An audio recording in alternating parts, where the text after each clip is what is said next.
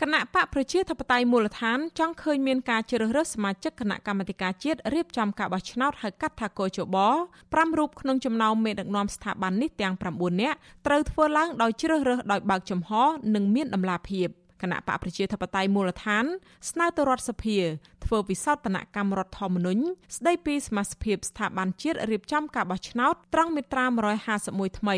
ដែលចែងថាគណៈកម្មាធិការជាតិរៀបចំការបោះឆ្នោតមាន9រូបនិងទទួលអាណត្តិ5ឆ្នាំ។ សេចក្តីថ្លែងការណ៍ចុះថ្ងៃទី11ខែមិថុនាលើកឡើងថាក្នុងចំណោមក្បាលម៉ាស៊ីនកោជបទាំង9រូប4រូបត្រូវបានជ្រើសរើសដោយគណៈបកដឹកនាំរដ្ឋាភិបាល4រូបត្រូវជ្រើសរើសដោយគណៈបកមានអាសនៈក្នុងរដ្ឋសភា ដែលមិនចូលរួមក្នុងរដ្ឋាភិបាល និងម្នាក់ទៀតត្រូវជ្រើសរើសដោយមានការព្រមព្រៀងដោយគណៈបកទាំងអស់ដែលមានអាសនៈក្នុងសភា ទោះយ៉ាងណាគណៈបកប្រជាធិបតេយ្យមូលដ្ឋានរំលឹកថាសប្តាហ៍នេះមានតែគណៈបកមួយប៉ុណ្ណោះដែលមានអាសនៈក្នុងសភា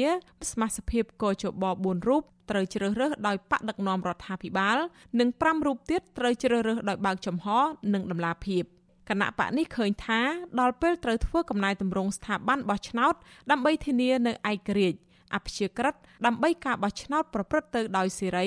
ត្រឹមត្រូវយុត្តិធម៌ស្របតាមគោលការណ៍ប្រជាធិបតេយ្យសេរីពហុបកទទួលការទុកចិត្តពីគណៈបកនយោបាយអ្នកបោះឆ្នោតនិងបញ្ជាការជាប់គាំងនយោបាយវិទ្យុអសីសេរីមិនអាចសុំការបំភ្លឺបន្ថែមពីស្ថាបនិកគណៈបកនេះលោកបណ្ឌិតយ៉ងសង្គមាបានទេ នៅថ្ងៃទី11ខែមិថុនាដោយទូរស័ព្ទចូលគ្មានអ្នកទទួល រីឯអ្នកនាំពាក្យគណៈកម្មាធិការជាតិរៀបចំការបោះឆ្នោតលោកហងពុធាក៏មិនអាចសុំការបំភ្លឺបានដែរចំណែកអគ្គលេខាធិការនៃគណៈកម្មាធិការជាតិរៀបចំការបោះឆ្នោតលោកទេពនិថាសុំមិនឆ្លើយតបរឿងនេះទេ ទោះយ៉ាងណាអ្នកនាំពាក្យនឹងជាអគ្គលេខាធិការដ្ឋានរដ្ឋសភាលោកលេងពេញឡុងឲ្យវត្ថុអាស៊ីសេរីដឹងថាសំណើដែលគណៈបកប្រជាធិបតេយ្យមូលដ្ឋានចង់បដូររបៀបជ្រើសរើសក្បាលម៉ាស៊ីនកោជបគឺជាការសម្ដែងមតិរបស់គណៈបកនេះប៉ុន្តែរដ្ឋសភាមិនអាចធ្វើតាមសំណើនេះទេលោកប្រដូចការចង់បាននេះទៅនឹងការកាត់ក្បាលតម្រូវមួក អ្នកនាំពាក្យដដែលយល់ថាករណីនេះទុកឲ្យអ្នកនយោបាយឬគណៈបកដែលមានសម្លេងឆ្នោតក្នុងសភាគេធ្វើនៅក្នុងការបោះឆ្នោតលើក្រោយចុះ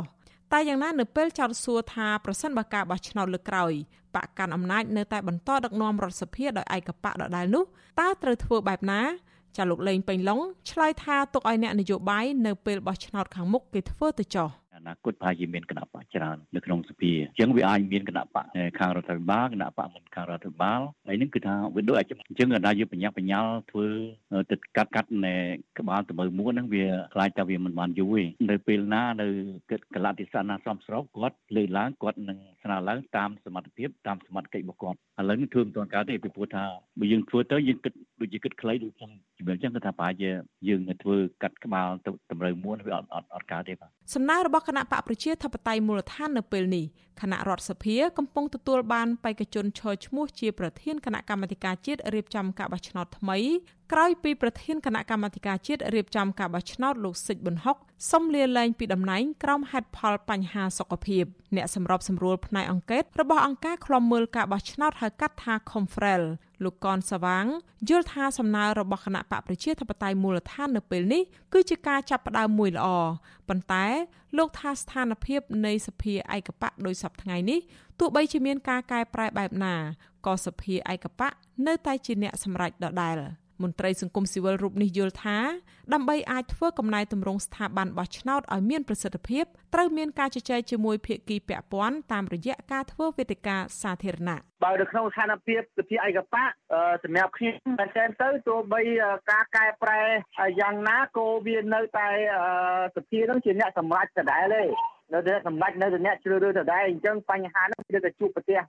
มันជាមានអីដែលផ្លាស់ប្ដូរធំដុំទេបាទកាលពីថ្ងៃទី9ខែមេសាឆ្នាំ2015រដ្ឋសភា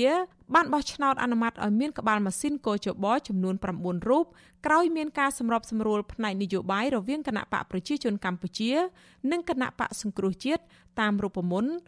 441គឺគណៈបកប្រជាជនកម្ពុជា4រូបគណៈបកសង្គ្រោះជាតិ4រូបនិងសង្គមស៊ីវិលឯករាជ្យ1រូប ទោះជាបែបនេះក្តីវិបត្តិនយោបាយកាលពីឆ្នាំ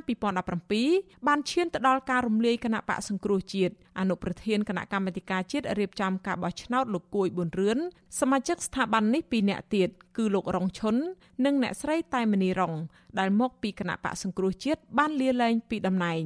ទន្ទឹមនឹងគ្នានេះដែរប្រទេសម្ចាស់ជំនួយនៃលោកសេរីស្ទើរតែទាំងអស់ក៏បានផ្ដាច់ជំនួយពីស្ថាប័នបោះឆ្នោតមួយនេះ ចានាងខ្ញុំខែសុណងវិទ្យុអាស៊ីសេរីរាយការណ៍ពីរដ្ឋធានី Washington